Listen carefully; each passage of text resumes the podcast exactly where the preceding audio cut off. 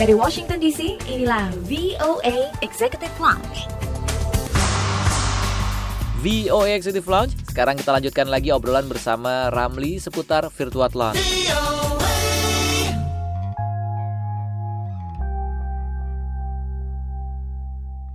Apa nih tantangan terbesar yang dihadapi dalam menggelar Virtuathlon ini so far ini?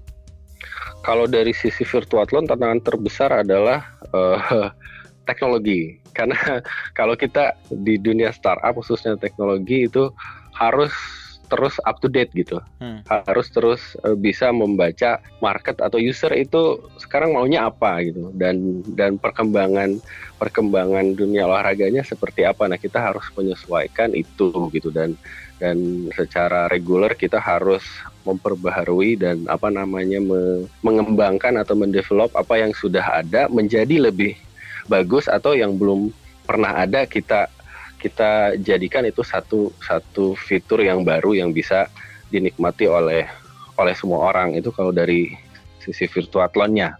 Okay. Kalau dari tantangan secara apa secara eksternal itu kalau kalau di kondisi saat ini ya uh-huh.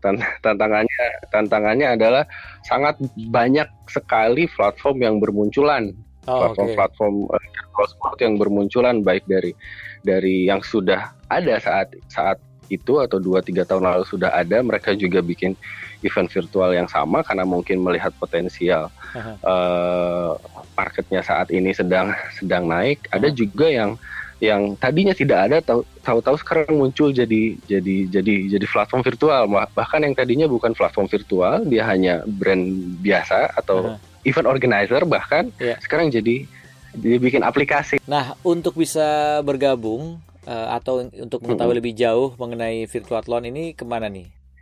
Uh, kalau untuk bergabung di Virtuathlon sangat mudah. Uh, teman-teman di mana pun uh, berada bisa bisa langsung download saja aplikasinya di App Store dan dan apa Google Play, kemudian sign sign up seperti itu. Atau misalkan mau uh, me mengikuti aktivitas kami di sosial media juga bisa di Instagram ataupun di Facebook di situ lebih lebih apa lebih lebih sering kami me, apa, mempromosikan event-event yang yang yang sedang kami lakukan ataupun yang akan kami lakukan di di dua tiga sampai sampai setahun ke depan. Sekarang ada tips nggak nih untuk misalnya para pelari atau penggemar olahraga hmm. uh, triathlon gitu ya atau multisport hmm. yang ingin bergabung dengan Virtuathlon ada nggak nih tipsnya nih? Sebelum bergabung harap perhatikan hal ini dulu misalnya.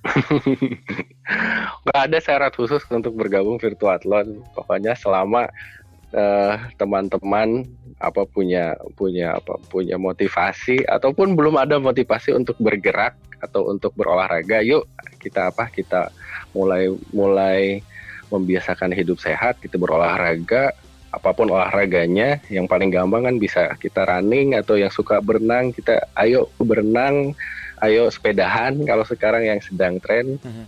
dan oh, okay. tadi apa namanya saya saya mau mau tambahin ya soal uh, submission period nah mm-hmm. bedanya virtual dengan offline uh-huh. terkadang kalau di virtual itu periode untuk melakukan race-nya itu bisa lebih longgar dibanding dibandingkan dengan event offline kalau event offline kan sehari uh, selesai gitu uh-huh. di tanggal A ya harus selesai di tanggal A itu. Yeah. Tapi kalau virtual itu boleh di dicicil. Ada namanya multiple submission. Jadi misalkan walaupun jaraknya cuma 5 kilo, uh-huh. tapi bisa dicicil dalam 3 sampai satu minggu. Oh, nah, itu itu enaknya ikut virtual. Okay.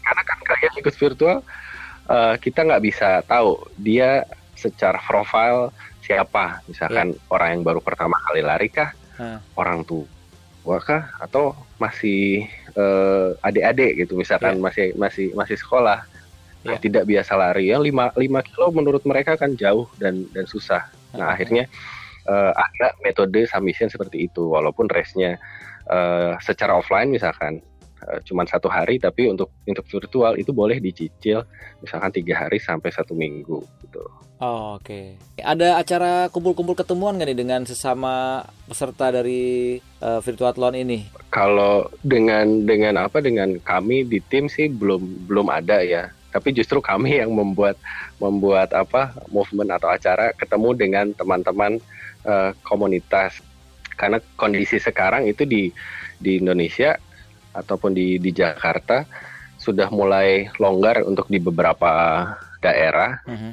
Jadi kalau kalau uh, apa event-event seperti talks ataupun kita punya meet the expert, kita masih uh, menggunakan uh, platform atau atau metodenya secara virtual talks, misalnya okay. virtual event lah. Yeah. Ya. Uh, itu itu event rutinan kita. Tapi untuk lari-lari bareng kita sudah melakukan lari offline di beberapa titik. Tabek sendiri kita sudah mulai uh, melakukan uh, aktivitas lari bareng dengan dengan komunitas-komunitas. Kita selalu mengadakan di hari Sabtu dan Minggu. Itu pun kita lakukan di green zone area uh-huh. yang yang ada di apa di Jabotabek. Katakanlah di Sentul karena Sentul mas, uh, termasuk green area. Kita yeah. bisa melakukan aktivitas running di situ dengan uh, protokol protokol yang tetap kita terapkan dan jumlah peserta juga dibatasi hanya untuk uh, komunitas yang terundang di hari itu gitu. Oh, kita okay. kita punya punya apa punya event namanya breakfast uh, running. Uh-huh. Jadi kita setiap Sabtu atau Minggu kita melakukan lari bareng sama